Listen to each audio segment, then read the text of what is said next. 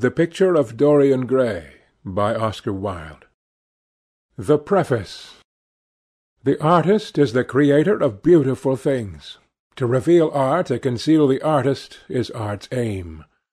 The critic is he who can translate into another manner or a new material his impression of beautiful things. The highest, as the lowest, form of criticism is a mode of autobiography. Those who find ugly meanings in beautiful things are corrupt, without being charming. This is a fault. Those who find beautiful meanings in beautiful things are the cultivated. For these there is hope. They are the elect, to whom beautiful things mean only beauty. There is no such thing as a moral or an immoral book. Books are well written or badly written. That is all.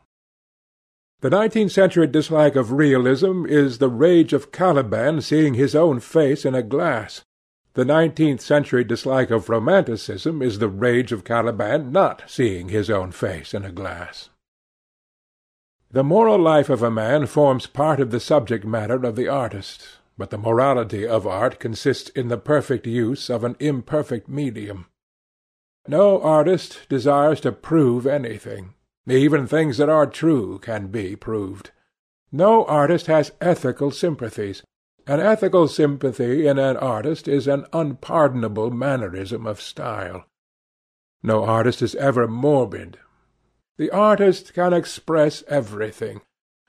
Thought and language are to the artist instruments of an art. Vice and virtue are to the artist materials for an art. From the point of view of form, the type of all arts is the art of the musician. From the point of view of feeling, the actor's craft is the type.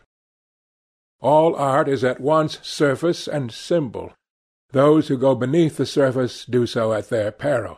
Those who read the symbol do so at their peril.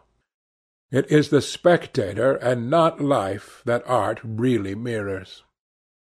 Diversity of opinion about a work of art shows that the work is new, complex, and vital. When critics disagree, the artist is in accord with himself.